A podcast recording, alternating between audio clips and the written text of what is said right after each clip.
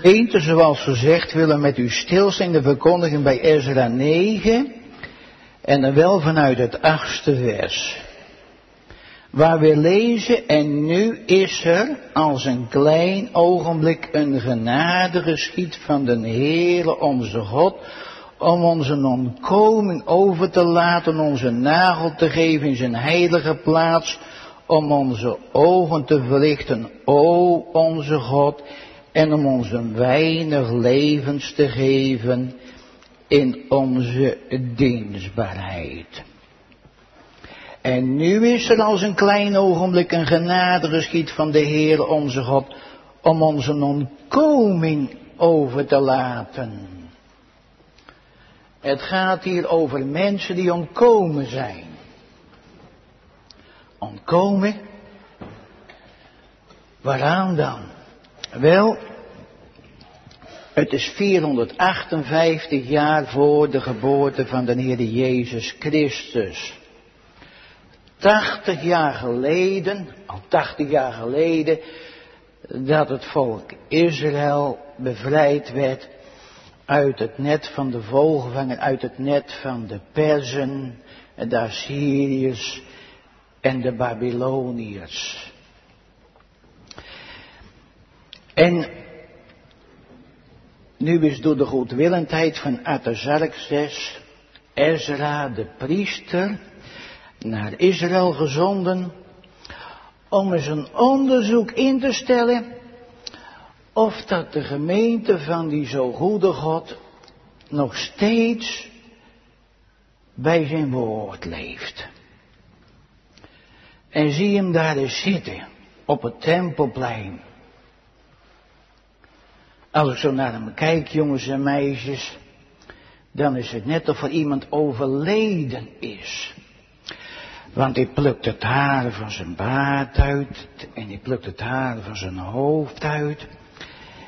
En zodat iedereen het zien kan, scheurt hij zijn bovenmantel en zelfs zijn onderkleed. Want dat weten jullie toch wel. Toen de broers van Jozef op zo'n hele verkeerde manier met hem omgingen, gingen ze naar vader Jacob en hielden ze de mantel, die mooie mantel van Jozef en Jacob voor, besmeurd met bloed van bokjes. En zei de vader, dat is zijn mantel. En wat deed Jacob toen? Toen scheurde hij zijn mantel. In het oude oosten is dat een teken van rouw. Als iemand overleden was, dan scheurde je mantel. Het is ook een teken van ontzetting. Want toen later Simeon naar die kuil ging, waar ze Jozef ingegooid hadden, want die wilden hem er nog uithalen. Toen bleek dat hij weg was en toen scheurde Simeon zijn mantel. Hij was ontzet. Wat moet ik nu tegen vader zeggen? En het is nog ergens anders een teken van. We lezen het Nieuwe Testament dat de hoge priester zijn kleed scheurt van heilige toon. Zie die Ezra zitten. Hij plukt het haar uit zijn hoofd. Jij speelt geen toneel hoor. Je verklaarders die zeggen dat. Nee. Was echt. Maar wat is er dan toch Ezra? Dat je zo het haar uit je hoofd en, het haar en dat je zelfs niet alleen je bovenmantel, maar ook je onderkleed schudt. Wel zie ze daar eens staan. Ze komen aan Ezra iets melden. Want in die jaren dat ze bevrijd waren, zijn er mooie dingen gebeurd. Ze waren begonnen om weer de tempel te herbouwen. Hij was nog niet zo mooi als die eerste tempel, maar toch zou de Heer Jezus die tempel betreden. En ze waren begonnen om de muur om Jeruzalem te herbouwen. Dat waren heel verblijdende dingen geweest. Maar intussen waren er ook erg verdrietige dingen gebeurd. Want hoor, we komen ze aan Ezra vertellen. Wel dat ze weer in dezelfde zonde waren vervallen als waarom ze weggevoerd waren. De Heer had namelijk tegen ze gezegd. In Deuteronomium 7 staat het.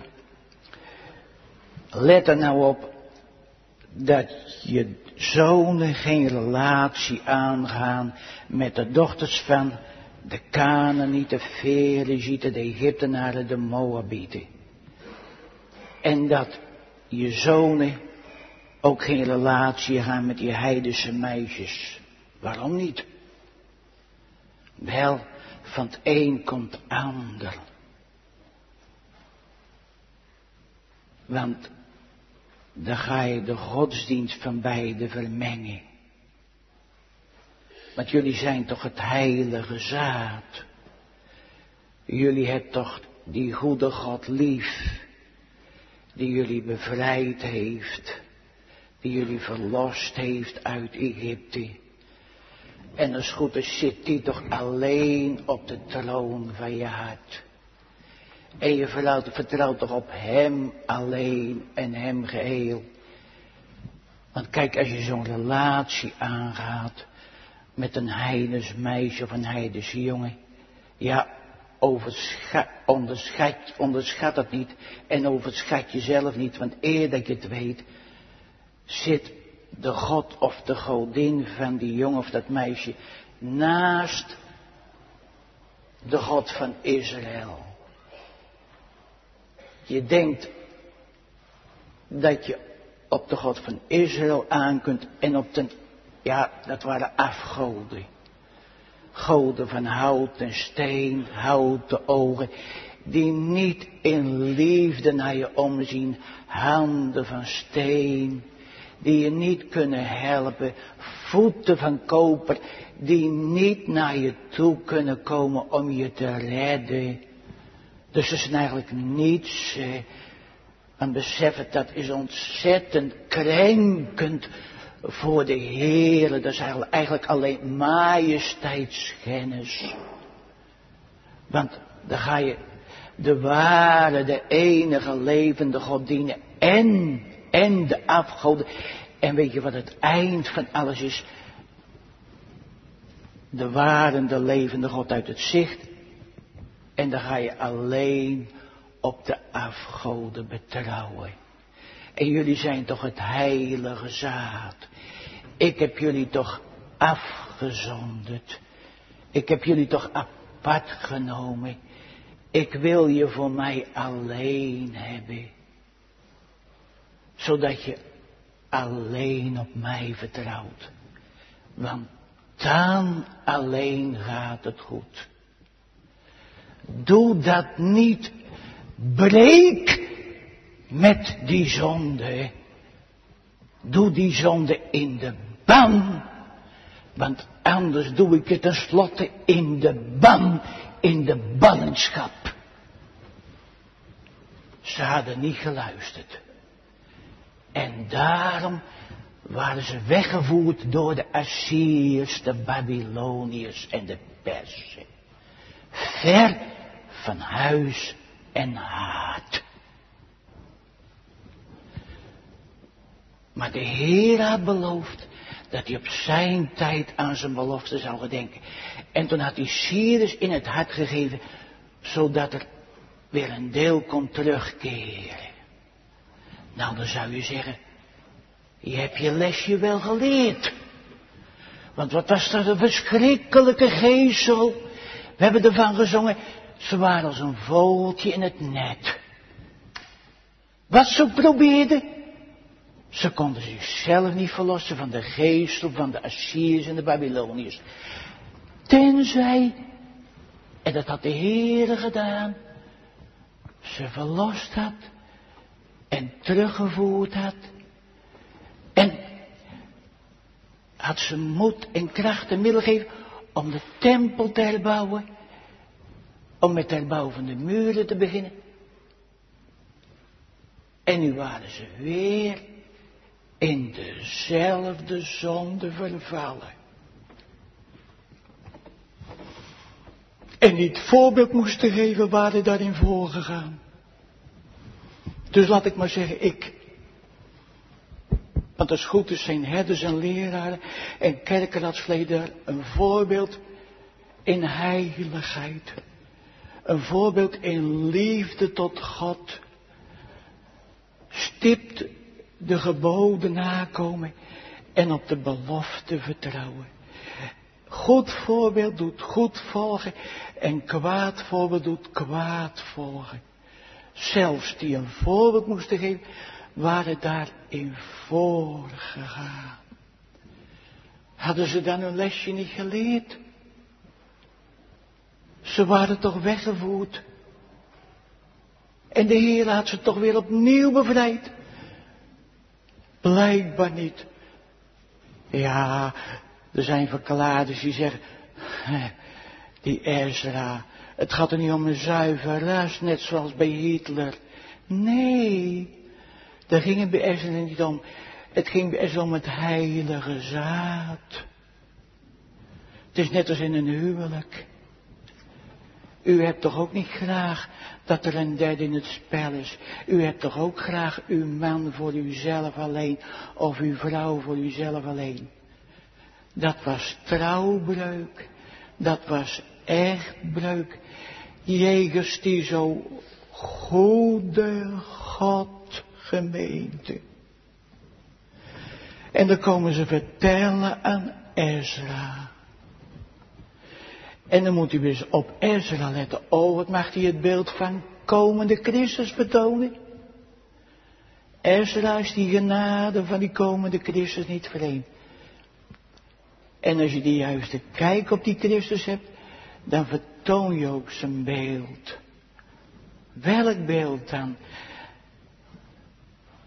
Daar zit hij zwijgend neer op het tempelplein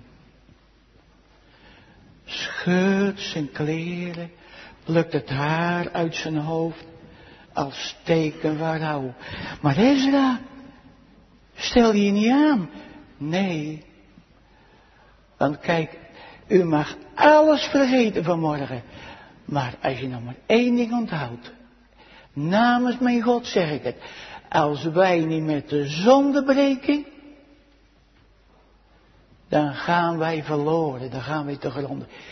Eén moet sterven, onze zonde of wij. Eén moet sterven, mijn zonde of ik ga voor eeuwig verloren. Ze braken niet met hun zonde. Dan ga je sterven. Als persoon, als ambtsdrager, als gezin, als volk. En dat beseft Ezra. En daarom zit hij beschaamd neer. Daarom zit hij bedroefd neer in rouw. Hij gevoelt het. Dat volk dat zo beweldadigd was door de Heere God weer opnieuw bevrijd, weer opnieuw verlost, bedrijft dezelfde zonde als waarom ze gestraft waren. Trouwbreuk, echtbreuk. Ja, ach, wij hebben geen besef van zonde. Want stel nou eens dat ik overspel bedrijf waar mijn echtgenoot erbij is. Wij leven altijd voor het aangezicht van God. God is altijd de stil aanwezige. En als ik dan overspel bedrijf, dan trouwelijk bedrijf, wat is dat krenkend, wat is dat honend voor God. Dat ik zijn geboden als verwerpelijk acht en mijn eigen wil daarvoor in de plaats zet. Voelt u het? Ezra gevoelde het. Want God geeft zijn kinderen gevoel van de zonde en gevoel van de genade. Moet u de houding van Ezra eens nagaan. Hij begint niet te beschuldigen. Ezra had er zelf geen pad nog deel aan. Hij had die vooraanstaande bij zich kunnen roepen, die priesters en die levieten, die koorzangers. En die had kunnen zeggen, jullie moeten toch een goed voorbeeld geven. Totaal niet. Totaal niet. Ik, ik, ik. Wij, wij, wij. wat lijkt u op Christus, hè? Eén in de schuld met zijn volk. Opdat ze ook één in de genade zouden zijn. En weet u wat me ook opvalt? Je moet Ezra 9 maar eens afluisteren. Hij is ook niet verbitterd en rancuneus tegen die Assyriërs. Dat had ook gekund. Want kijk, het recht lag aan Gods kant hoor. Toen ze gedeporteerd werden. De Heer had ze lang gewaarschuwd door de profeten. Want de Heer is langmoedig hoor. Hij komt ons vaak te waarschuwen. Maar er is een eind aan zijn geduld. Hè? Ze deden hun zonde niet in de ban. Ze braken er niet mee. Toen deed de Heer ze in de ban. En zo is het ook met ons volk geweest. Weile dominee Hofman. Ja, de Eerste Wereldoorlog. Toen maakte de Heer aan zijn kinderen in Nederland bekend dat Nederland niet beschadigd zou worden. Maar in de Tweede Wereldoorlog, Weile dominee Hofman, die was vol van de lof des Heeren. Hij dacht dat, hij, ze dacht dat hij afscheid zou nemen. En zo ging hij te rusten. En s'nachts ineens zegt zijn vrouw, man, hoort eens onweer. Nee, zei hij, het is oorlog. Voelt u het? Het recht lag ook in veertig aan Gods. Om onze zonde werden we gegezeld door de naties. Voor de genade ligt altijd de reden boven. En voor mijn straffen, voor mijn kastijding, ligt de reden in mijn hart, ligt de reden op aarde. Om onze zonde geraakten wij in het net van de naties. Dat leert de Bijbel. De Heer is rechtvaardig. Dat leert de Heer aan zijn kinderen. Die leren van goede tierenheid en recht zingen. Maar de Heer had net als in Israël ook aan Gods kinderen bekendgemaakt dat hij op zijn tijd aan zijn verbond zou gedenken. Na de 70-jarige ballingschap raakte Israël weer vrij. Na die vijf bange oorlogsjaren werden wij weer bevrijd van het natiejuk. En weet u wat mij nu opvalt van Ezra? Ezra is niet verbitterd tegen de Assyriërs. Ik heb eens een leraar gehad, dokter Wijnberg. Een knappe docent in het Grieks en in het Latijn. Hij sprak nooit de naam van de Duitsers uit. Was een reden toe hoor. Hij was Joods, zijn vader en zijn moeder en al zijn broers en zusters waren vergast. Hij wilde die naam niet noemen. Had het altijd over de Oosterburen, die Germanen. En wat zei die? Want het is in de tijd met Carthago gebeurd. Dat land moet omgeploegd worden en dat land moet met zout besprengd worden. Kijk, als God het niet verhoedt, dan raak je verbitterd. Maar het was Ezra niet, want de genade van de komende Christus woonde in zijn hart. Hij beet niet in de geestel. Nee, nee, nee. Ezra heeft leren bukken. Ezra heeft het recht leren kussen. Naar recht werden ze weggevoerd. En naar recht werden ze weer bevrijd. Naar recht, ja in het laatste vers staat het. De Heer is rechtvaardig. En daarom is die genadig. Want er staat er, en nu is er als een klein ogenblik een genade geschied. En dat mag Esla beleven. Genade. Hij heeft ons volk gestraft, maar niet naar onze zonde. En dat mag ook van ons volk gezegd worden. Hij heeft ons gestraft in de jaren 40 en 45. Maar niet naar zonde. Want anders waren we verdaan als volk. Als koningshuis. God kwam toen met zijn geestel. Ik weet het, de Syriërs en de Babyloniërs gingen over de schreef. De naties gingen over de schreef.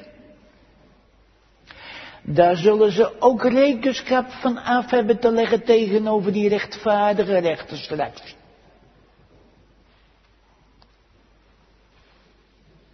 Maar Ezra is niet verbitterd.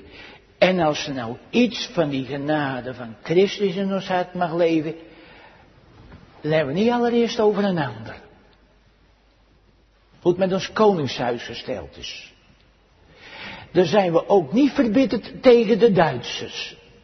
Tegen de Persen. Nee. Ik zou zeggen, wat is dat toch kostelijk? Daar zit hij. En dan begint het drie uur te worden. Dan wordt het offer gebracht in de tempel. En wat staat er dan? Vanuit zijn ontzetting gaat hij over tot de gebedshouding. Hij heeft zijn handen op ten hemel als uiting van die diepe afhankelijkheid. En dan gaat hij bidden. Mijn God, ik ben beschaamd en schaamd om mijn aangezicht tot u op te heffen, mijn God, want onze ongerechtigheden zijn vermenigvuldigd tot boven ons hoofd en onze schuld is groot geworden tot aan de hemel. En Ezra had die zonde niet bedreven. Ja, maar kijk, als u de Heere mag kennen, de zonde kleeft ons altijd aan. Want al zijn we nou in beginsel bevrijd, in beginsel verlost, oh, oh, die verzoekende machten. Als die de overhand weer overkrijgt,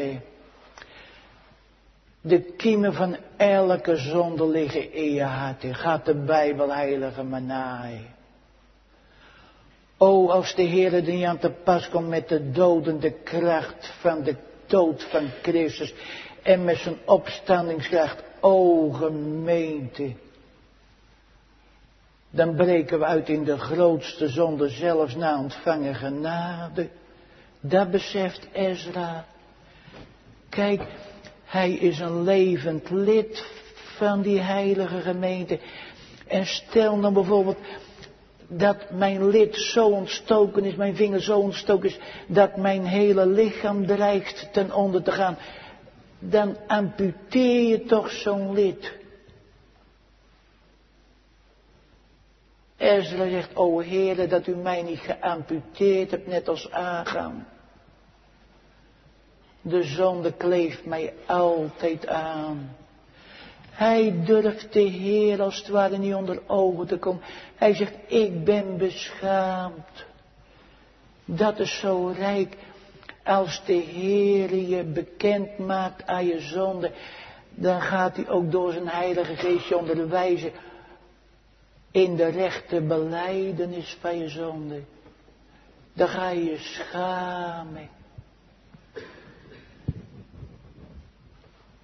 Dan zeg je, o Heere, genade, treed niet met mij in het gericht, want ik kan voor uw aangezicht niet bestaan. Hebben we zo de bevrijding gevierd? Zo de bevrijding. Zo hartelijk berouw hebben over je zonde. Wij moesten toch volkomen zijn in de liefde en waar blijkt die liefde? Wandel in het pad van de geboden. Alleen op Hem vertrouwen. Niets naast Hem, niets in de plaats van Hem. Wie van ons kan zeggen dat hij daar volkomen in is? Ezra niet, ik niet, wat rijk. Ik ben beschaamd. Want onze, onze, oh het is als het over deze tijd tot boven ons hoofd. Dat betekent twee dingen. Kijk, dat is geen fariseïsme. Dan ben je niet beter dan wie van je volk ook, dan wie van het koningshuis ook, dan wie van zijn gemeente scherpenis ook. Nee, nee, dan ben je de voornaamste. Onze. Wij breken niet meer. O, als u het niet verdoet, gaan we alle te gronden. We dreigen in te verzinken. Hebben wij ook zo'n last van onze zonde? Hebben wij ook zo'n afkeer, afschrik? Want wie zijn zonde beleidt en laat, en laat, daaruit blijkt het, die zal barmhartigheid verkrijgen. Maar wie ze bedekt, Ezra bedekt ze niet. Ezra schuift ze niet op een ander. Ezra schuift ze niet op de Perzen. Op de Duitsers. Ik. Hij wordt zichzelf tot vijand. Hij zingt van goedertierenheid en recht. God hoeft geen afstand te doen van zijn recht. God mag God blijven. Hij is niet verplicht. In het hele hoofdstuk staat geen bede om vergeving. Dat is Gods recht. Daar is hij vrij in. Er was dus een boerin in Frankrijk. Die tobde over de zonde. En wat zei hij met God is liefde? En wat zei Al zou u mij verdoemen, dan is die nog liefde. Voelt u het? Ga Jeremia maar na. Ga Ezekiel maar na. Nehemia maar na. Al zijn kinderen leert hij zingen van goede tierenheid en recht. Niet ten koste van zijn recht. Nee, gemeente. Nee. Het was recht, heren. Dat we in de ballingschap raakten. Dat we onder het juk van de naties kwamen. O, maar u bent rechtvaardig. En daarom is er in Christus genade voor ons. En oh, nou weer trouwbreuk, nou weer echtbreuk. Hij is heilig verlegen. De Heer hoeft zijn eer niet op te houden. Nee, hij schaamt zich. Kent u dat ook? Hebt u zo bevrijdingsdag gevierd? Weet je, daar ken je altijd aan. Dat is, dat is zo wonderlijk. Dan schaam je je zo. Dan ga je niks bedekken onder vier ogen voor de Heer. Alles. Dan ga je alles eerlijk. Dan zeg je niet, ja, ik ben nou eenmaal een zondaar. En dan doe je ook niet met je rug naar God toe. Nee, in ware verootmoediging. Door schuldbeschef getroffen en verslagen. Dan voel je dat je de Heer gekrenkt hebt. Dat je je eigen wil in de plaats van Gods wil gesteld hebt. Hoe heb ik het toch gedurfd? Want God heeft alleen het beste met mij voor. Die wil mijn heil bewerken. En zal ik dan een relatie aangaan met een jongen en een meisje die er haaks op staat? Ik heb het wat meegemaakt in het pastoraat. En we zeiden dus dan, ik ga scheiden. Nee, zei ik. Want dan krijg je een ijzeren juk. Je hebt niet geluisterd in de tijd naar de Heer. Je hebt jezelf overschat. Je hebt misschien wel gezegd, ik bekeer die jongen, ik bekeer dat meisje. Verkering huwelijk, dat is geen middel tot bekering. Dat staat nergens in de Bijbel. God geeft zijn goede geboden. Het is ondankbaar jegens de Heer. Het is krenking van de Heer. Daar kun je geen zegen op verwachten. Breek met die zonde. Beleid die zonde. Want wie zijn zonde beleidt en laat. Vraag het aan de Heer. Vraag om de geest van Christus. Want zie eens hoe die Christus geweend heeft en gevast heeft. Zie eens hoe die zonde gedood is in zijn vlees. Oh, als ik in het geloof op die leidende Christus zie, dan krijg ik een afschrik van. Elke zonde. Maar dan noemen we maar één zonde, hè. Er was geen verschil meer tussen de kerk en de wereld. Ik was een tijdje geleden in het RD. Van een journalist die was op de wegwijsbeurs geweest. En beschreef hij van de wereld en daar nooit niet meer in de wereld. Nou, er kwam commentaar hoor. Maar ik denk dat er veel van in zit. Ik blijf bij mezelf. Zijn we nog het heilige zaad? De Heer heeft ons pad gezet om alleen op Hem te vertrouwen ons schild. Ja, maar wij kennen toch geen goden van hout en steen, nou al die gebouwen. Olie, geld, wapens, macht, schijngodsdienst. We razen van de afgoden. Mijn naam? Hater, zondaar. Vlees. Hatelijk. Het is een wonder. Als die liefde Gods in ons hart is uitgestort en we uit wederliefde de Heere lief hebben, dan blijkt het hoor. Dan blijkt het door een zonde dodend leven en een heiligheid beminnend leven. Dan blijkt het hoor, dan blijkt het. Maar als die liefde van God die uitwoont, als die genade van God die, dan zing je voor goede tierenheid en recht. Die tere vrezen des Heren. Wat mag die op Christus lijken. Wat aangenaam. Ook vind kostelijk gemeente. God houdt die spiegel aan mij voor. Mag ik op Ezra lijken? Ja, heb ik het recht om onbekeerd te zijn? Hebt u het recht om onbekeerd te zijn? Hebt u het recht, heb jij het recht om die God die ons bevrijd heeft? Heeft hij ons bevrijd? Alles kan en alles mag. Eén ding moet sterven. Jouw zonde of je gaat er zelf aan te gronden. Zullen we luisteren naar de woorden? Want als we niet luisteren, dan hebben we voor zijn straffen te beven. In mijn studententijd kwam ik vaak bij een lief kind van God. Die kende die vertrouwelijke omgang met de net als Ezra. En dan zat hij te wenen. Waarom? Wel, net als Ezra. Weer dezelfde zonde. Nou, Dan komt er een eind aan Gods geduld. Dan is ding misschien uit met ons volksbestaan. Met ons koningshuis. Of zijn wij daar te goed voor?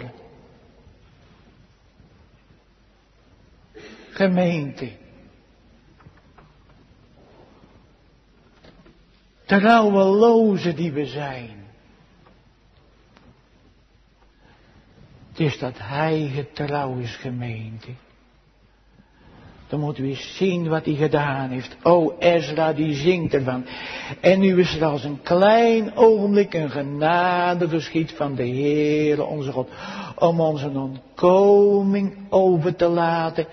En onze nagel te geven in zijn heilige plaats. De Heer is rechtvaardigheid gedacht aan zijn verbond. En daarom mochten ze terugkeren. En dan staat hier, om ons een nagel te geven. Oh, het Israëlitische volk was een herdersvolk. En dan trokken ze van de ene plaats naar de andere plaats. En dan werden die tentpin ingeslagen. We hebben tijdelijke rust gekregen. Een tijdelijke verademing gekregen.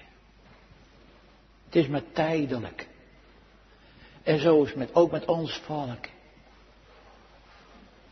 67 jaar geleden. Een tijdelijke veraan.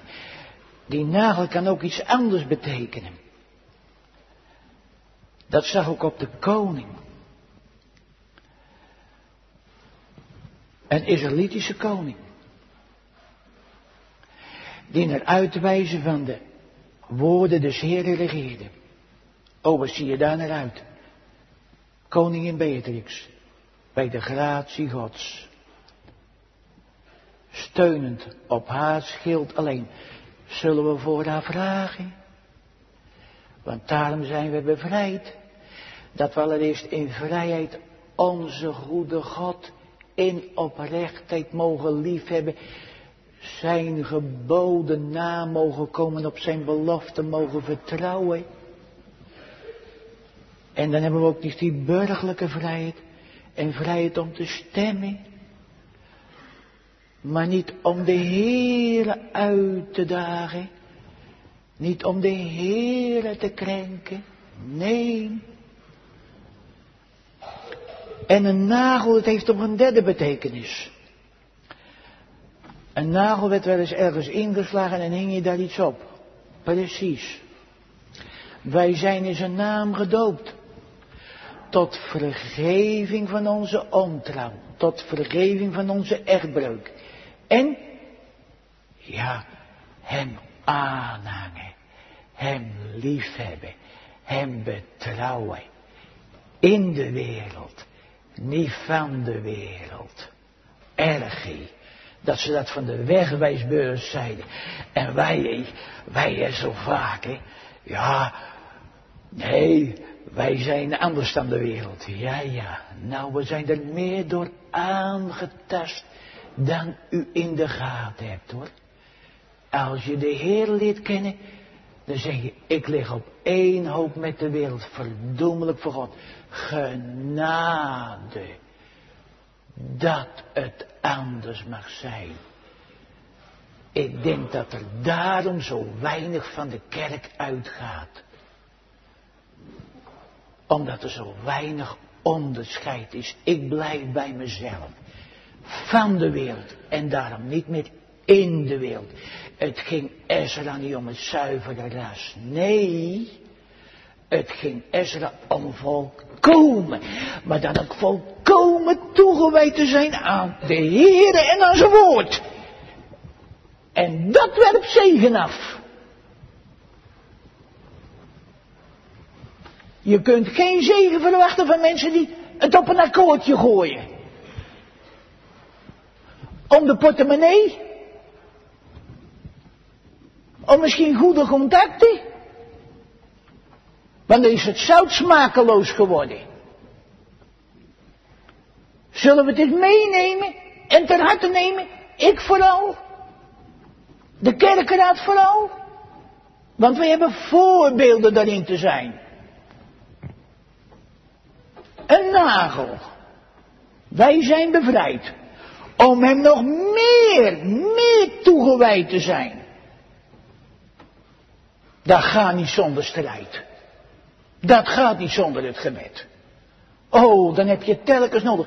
De reiniging door het bloed van Christus. Je bevrijden, je verlossen. Dan heb je telkens nog de geest van Christus zodat hij met de kracht van zijn dood komt. Want kijk, die kiemen die leven in je hart hoor. Ons hart is een kweekplaats van ongerechtigheid. En als de Heer niet verhoedt, dan gaan we dat koesteren. Ook naar genade. Heer, dood u is die neiging tot zonde. En heb je de kracht van zijn opstanding nodig. Opdat dat nieuwe leven hem aannemen, hem betrouwen, hem liefhebben. En dan in de wereld, hè. Zodat je op hem gelijkt, hè. Winnend, gunnend voor de Heer. Voor zijn geboden, voor zijn belofte gemeente. Om ons een ontkoming te geven en onze nagel te geven in zijn heilige plaats. Ja, de tempel mag er weer zijn. We mogen weer in zijn huis ingaan. Om nu van genade te leren leven. En op genade te leren vertrouwen. Want niemand van ons kan zich verlossen. Niemand van ons kan zich bevrijden. Maar nou heeft die lieve hemelse vader hulp besteld, ook voor ons, bij zijn lieve zoon. En die is onze één geworden. En hoe heeft hij gestreden met de boze en het boze? Door zich te laten overwinnen, heeft hij onze zonden overwonnen. Heeft hij de duivel overwonnen. Heeft hij de verdoemenis overwonnen. En nou komt het op aan dat wij tot Hem komen. Laat ik daar van Goebbels lezen. Goebbels, een vriend van Hitler, Rooms-katholiek opgevoed. Hij raakte in een crisis. Oh, zei hij, ik ga mezelf verlossen. Nou, dat werd nog een grotere check. En toen, toen koos hij voor Hitler. En hij heeft hem gevolgd tot in de dood. Want toen Hitler zelfmoord pleegde, Eva Braun zelfmoord pleegde, toen vermoordde hij zijn kinderen. Hij en zijn vrouw pleegden ook zelfmoord. Eén van de twee moet sterven. Je zonde of je gaat zelf te gronden. Kijk, en nou is er die enige verlosser. Die enige bevrijder. En die komt telkens in de prediking naar ons toe. En die dient om ons hart. En die dient om onze hand. Om ons te bevrijden, om ons te verlossen. En die wil door zijn lieve geest dat kinderlijke geloof schenken. Zodat ik zeg, o Heer, want zeg eens eerlijk, als de Heer ons aan onszelf ontdekt. Oh, dan zijn we net als dat vogeltje dan kunnen we ons van geen enkele zonde ontdoen. Ja, Heer, en dan zeggen Heer, het is recht. Het is recht, Heer. Als u me wegdoet van voor uw heilig aangezicht. Maar het is Hij die door zijn heilige geest ons leert vragen. O Heer, verlos mij uit de banden waarin de boze mij beknelt. Dat is, o de Heer Jezus, aangenaam. Dan schiet hij toe door zijn woord en geest. En dan verlost hij ons. En dan schenkt hij ons zijn geest om in dat nieuwe leven. En wat is leven? Teer afhankelijk zijn van die bevrijder. En teer aanhankelijk zijn jegens die verlosser. Zonder hem niets meer kunnen doen. Maar met hem, dat is toch zo rijk. Dat is de ware vrijheid. En daartoe heeft de Heer Israël. Maar daartoe heeft de Heer ook ons bevrijd. En weet je, dan kan ik de tekst zo begrijpen. Om onze nagel te geven zijn heilige plaats. Om onze ogen te verlichten. Wat stonden de ogen van de Joden dof. Toen ze weggevoerd werden. Ze straalden van blijdschap. Toen ze mochten terugkeren. Dominee, toen de Heer me bekend maakte met mezelf, benauwdheid en droefenis. Het moet maar eens geen praatje zijn. Het moet maar eens echt zijn. Oog in oog met God. Dat we niet voor de Heer kunnen bestaan. O, als de Heer ons dan niet aanziet in zijn Zoon, in zijn bevrijder, dan is het verloren. Verloren. Gemeente. Ik vond benauwdheid en droefenis.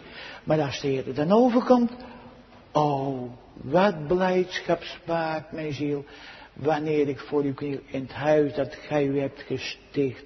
Hoe lief heb ik uw woning, de tent, o hemelkoning die u ter eer hebt opgericht. Als er die genade dan ook voor mij is. Oh, dan krijg je verademing, dan krijg je herleving. Dan straal je over blijdschap. Toen wij bevrijd werden in 45 hebben de engelen niet gezongen. Maar als ons die genade geschonken wordt van de bekering, van die afkeer van de zonde en van de terugkeer tot God, en van de hereniging met God, ja, dan wordt er in de hemel gezongen. Dan zijn de engelen zo blij dat de Heer het ziet. Kijk gemeente, om onze ogen te verlichten. O onze God. En om ons een weinig levens te geven in onze dienstbeleid. Wat? Ja, kijk, ze waren vrij, maar nog niet volledig vrij. Wat? Nee. De persen hielden nog een oogje in het zeil. Ze waren nog niet volledig. En zo is de geestelijk ook. Daar zijn we toch aanvankelijk verlost. Ik las van Van die was ondergedoken met zijn vriend in Putten, op de Veluwe. Ja, die vrouw was nogal somber gekleed, elke dag bracht ze soep en ze zorgde voor eten en drinken. Ja, ze waren van socialistische huizen. Ze dachten, wat staat die vrouw toch somber in het leven. Die kijkt niet ver, totdat ze stierf. En later stond er op de grafsteen, eindelijk vrij. Ik denk dat ze hier wel zitten. Aanvankelijk bevrijd. Maar die verzoekende machten, die oude mensen.